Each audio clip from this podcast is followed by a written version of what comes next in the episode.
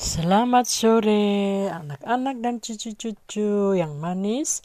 Oma sangat senang berjumpa lagi dengan kalian melalui siaran Anchor ini.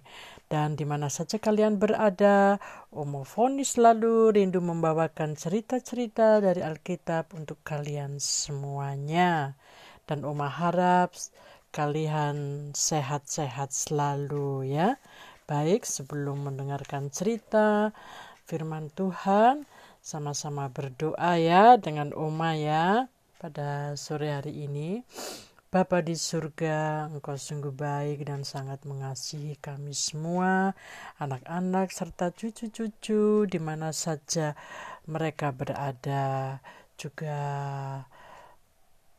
para orang tua yang selalu setia mendampingi, membimbing, mendidik, memberi nasihat kepada anak-anak dan cucu-cucunya. Kiranya Tuhan selalu memberi kekuatan dan kesehatan bagi para orang tua. Terima kasih Tuhan Yesus untuk firman-Mu yang selalu kami rindukan, di mana Tuhan selalu nyatakan kasih setia Tuhan dan pemeliharaan Tuhan atas umatmu ini.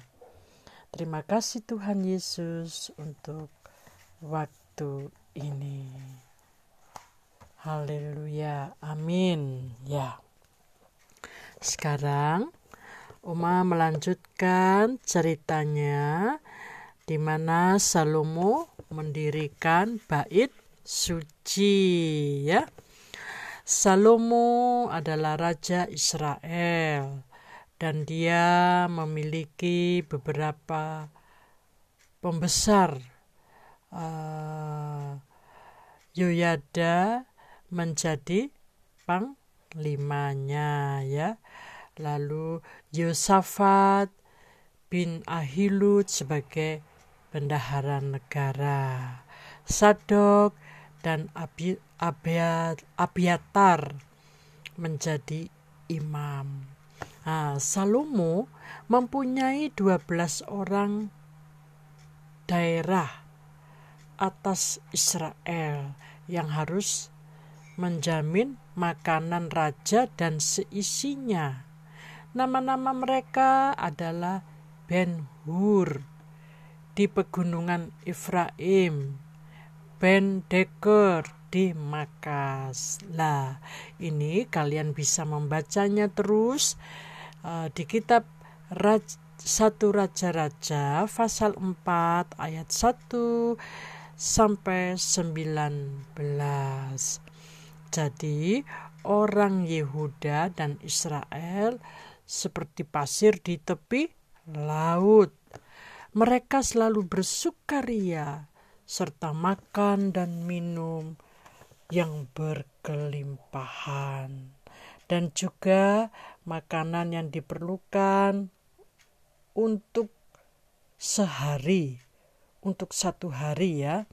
Jadi, di uh, kerajaan Salomo itu sehari itu membutuhkan ini anak-anak dan cucu-cucu 30 kor tepung yang terbaik.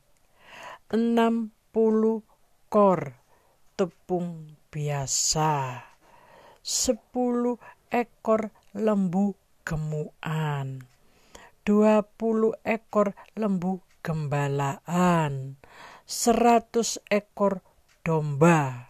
Ya, belum terhitung kijang, rusa dandi.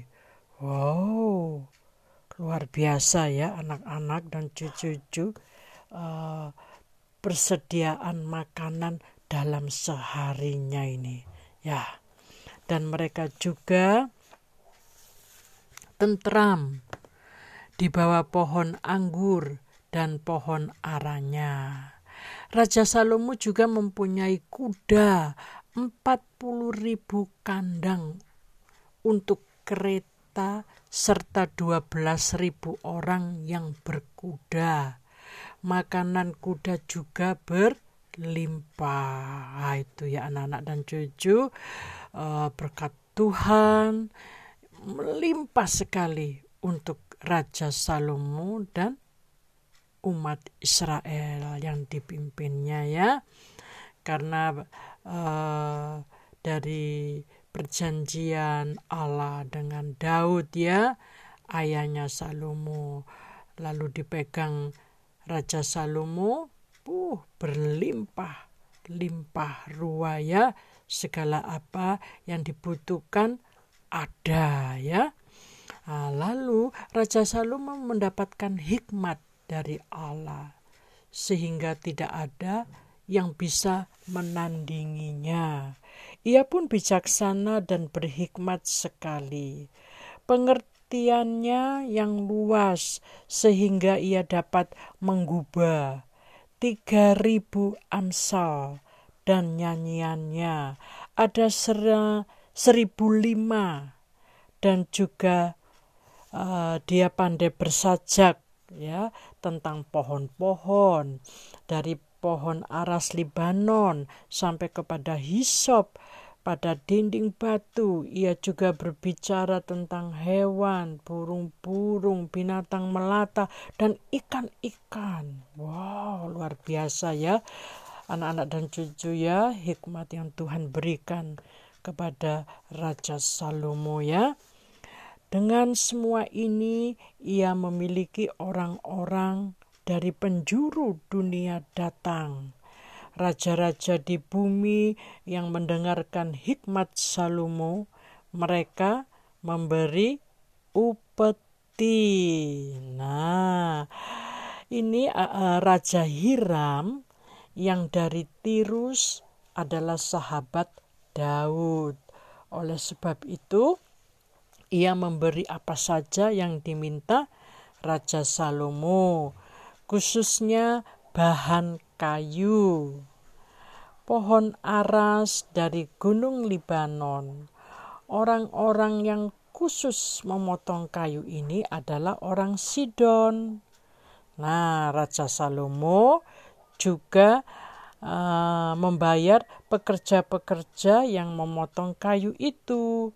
Ada kayu aras, ada kayu sanobar, kemudian setelah dipotong-potong, kayu-kayu itu dibawa turun dari gunung, lalu dibuat rakit-rakit di laut untuk dibawa sampai ke tempat yang ditunjukkan.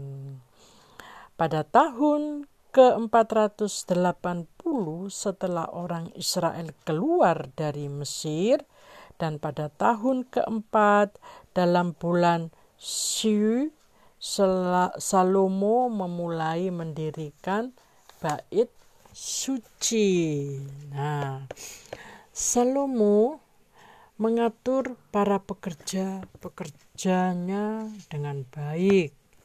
Ya, dia memilih uh, tukang-tukang uh, yang uh, berpengalaman atau uh, tukang-tukang yang ahli ya, para ahli ya lalu uh, mulai dia memilihnya ini mulai dari tukang-tukang batu, tukang pahat kayu, tukang pahat emas untuk lapisan-lapisan dinding dengan kayu sanobar dan juga uh, dia teringat akan pesan ayahnya dan itu yang harus dikerjakan oleh Salomo dan dia tidak uh, lupa di mana dia berjanji kepada ayahnya ya bahwa dia akan membuat mesbah ya. Nah, lalu dibuatnya mesbah dari kayu aras dilapisi dengan kertas emas direntangkannya tabir pada rantai-rantai emas yang di depan ruang belakang itu, lalu ruang itu dilapisi lagi dengan emas. Wow, pasti indah dan megah ya anak-anak dan cucu-cucu.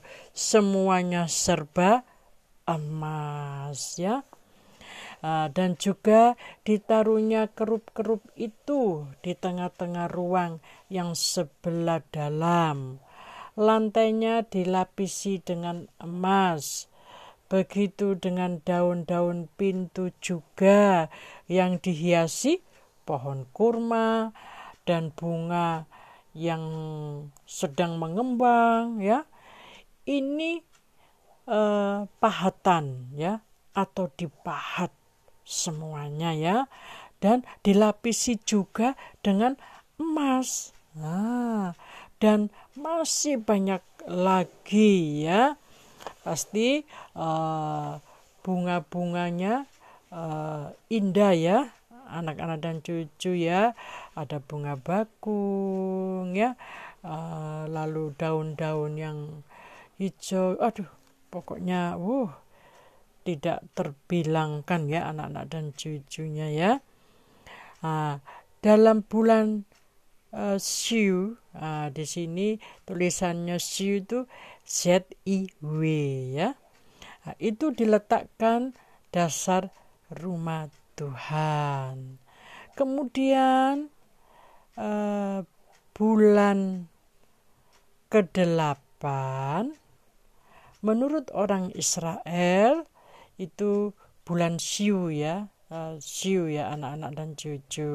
Lah jadi hitungannya genap tujuh tahun lamanya dalam penyelesaian mendirikan rumah Tuhan dengan bagian-bagian yang sudah ditentukan uh, dalam rancangan-rancangannya ya. Demikianlah cerita dari Oma untuk anak-anak serta cucu-cucu semuanya. Lain waktu dan ada kesempatan pasti Oma sambung lagi ya ceritanya. Jangan lupa berdoa dan harus rajin belajar. Tuhan Yesus memberkati kalian semua.